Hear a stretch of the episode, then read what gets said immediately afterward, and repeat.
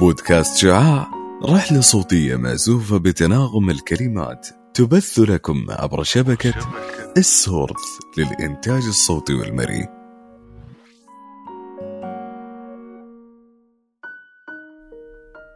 أهلا أنا رواب المقاضي وأهلا وسهلا بمستمعين بودكاست شعاع. عدنا إليكم اليوم. حاملين بين أيادينا وأفواهنا كلمات ومعلومات شيقة عن تخصصنا لهذا اليوم. ولأننا نود أن نتميز بأسلوبنا بطرح هذه التخصصات لكم. سنبدأ معكم بهذا التخصص ونعرفه عليكم من خلال قصة قصيرة سأرويها أثناء مراحلي بالدراسة والسنوات التي قضيتها في ساحات تلك المدارس وفي فصولها ومختبراتها كان لي صديق اسمه حسام. كان محبا لحصص مادة العلوم وحين انطلاق جرس بدء هذه الحصة يترك جميع ما يشغله ويبدأ فورا بجمع كتبه وأدواته ويسارع بالذهاب إلى معمل العلوم. كان حسام نشيطا ومليئا بالشغف تجاه هذه المادة وحتى على توالي السنين وبالمرحلة الثانوية. كان يكرر نفس هذا المشهد وبنفس هذه الروح الشغوفة يتجه مسرعا للمختبر العلمي. وفي أحد المرات تساءلت عن سبب هذه الطاقة الحيوية تجاه هذه المواد العملية وكان جوابه لا أعلم لكن جل ما أعرفه بأن الإنسان متنوع وله ميول عدة. أما عني فأرى ميولي بهذه المواد. بطبعي إنسانا محبا للاكتشاف وأستمتع بالتجارب والتحليلات والفحوصات التي نفعلها ونشاهدها سويا مع الأساتذة. ولدي فضول دائم حول التعمق بجميع الأمور الصغيرة التي لا نستطيع رؤيتها بالعين المجردة. أنا محبا لعلم الأحياء بشكل عام.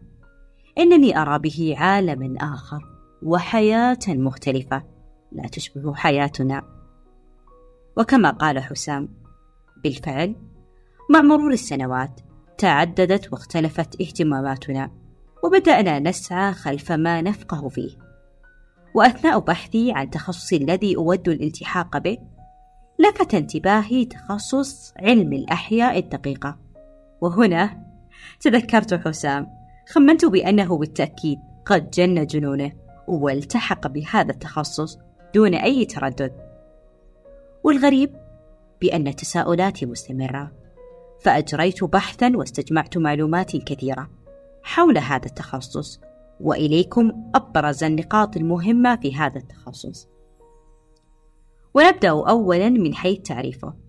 تعريف التخصص يختص علم الأحياء الدقيقة بدراسة الكائنات الدقيقة مثل الفطريات والبكتيريا والطفيليات والطحالب ويشمل أيضا دراسة الفيروسات.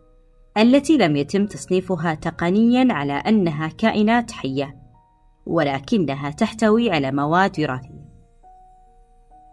تهتم الأحياء الدقيقة بدراسة جميع الكائنات التي لا ترى بالعين المجردة ويمكن رؤيتها بالمجهر الضوئي.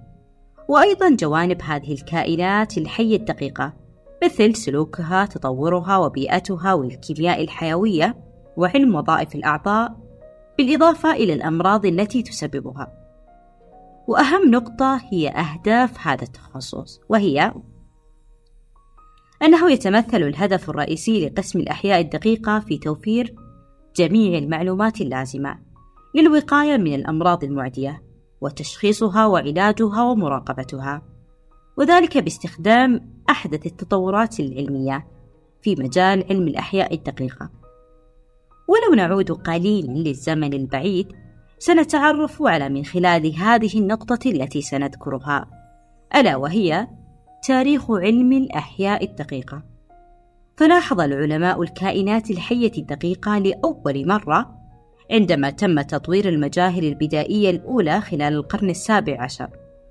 قد كان دون فون لينهوكو أول من نشر ملاحظات عن الكائنات الدقيقة. والتي شاهدها من خلال النظر إلى الماء باستخدام المجهر. شهد القرن العشرين تقدما كبيرا في جميع أشكال العلوم بما في ذلك علم الأحياء الدقيقة حيث تم تطوير اللقاحات الأولى والمضادات الحيوية. دعونا نتعرف الآن على كثرة الأقسام وتنوعها. فمن أقسام تخصص علم الأحياء الدقيقة في الجامعات ينقسم قسم الأحياء الدقيقة إلى عدة أقسام. تخصصات وليست أقسام ويختلف من جامعة لأخرى. ولكن بشكل عام يوجد قسم الأحياء الدقيقة الطبية وتندرج تحتها عدة أقسام وقسم الأحياء الدقيقة العامة ويندرج تحتها أيضا عدة أقسام. وأيضا المسمى الوظيفي للتخرج يكون فني. إذ أراد العمل في السلك الأكاديمي فهو معيد ولمن أراد إكمال الماجستير يكون أخصائي وفي السلك الأكاديمي يسمى محاضر. وكما تعودنا أن نطرح لكم الجامعات التي تدرس لكم تخصص الأحياء الدقيقة في المملكة ومنها جامعة الطائف جامعة الملك سعود جامعة أم القرى جامعة الجوف جامعة الملك عبد العزيز. وأهم نقطة هي الخطط الدراسية التي تختلف من جامعة لأخرى والأفضل الرجوع لصفحة الجامعة.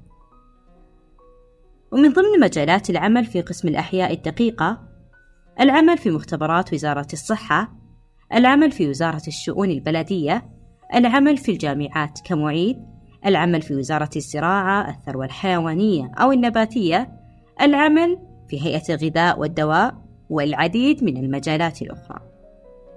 مهام خريج الأحياء الدقيقة كفني مختبر استلام العينات ووضع علامات مميزة لتحليلها تحضير أطباق لزراعة وتنمية العينات من المرضى تنفيذ الاختبارات المعملية بالأجهزة الخاصة للمختبر تنظيم وتخزين جميع المواد والسوائل وفقا لتعليمات السلامة بالمختبر التأكد على اتباع جميع الإرشادات الخاصة بالسلامة بالمختبر معرفة طرق التعقيم والمحافظة على بيئة العمل بالمختبر. وأخيرا سنذكر لكم المهارات والقدرات التي ينبغي الحصول عليها خريجي علم الأحياء الدقيقة. أن يكون ملم بالمفاهيم والمعارف العامة والأساسية لتخصصات الأحياء الدقيقة وعلاقتها بالتخصصات الأخرى. لديه الإلمام التام بقواعد السلامة في مختبرات الأحياء الدقيقة. لديه القدرة على معرفة الصفات العامة للبكتيريا والكائنات الدقيقة الأخرى.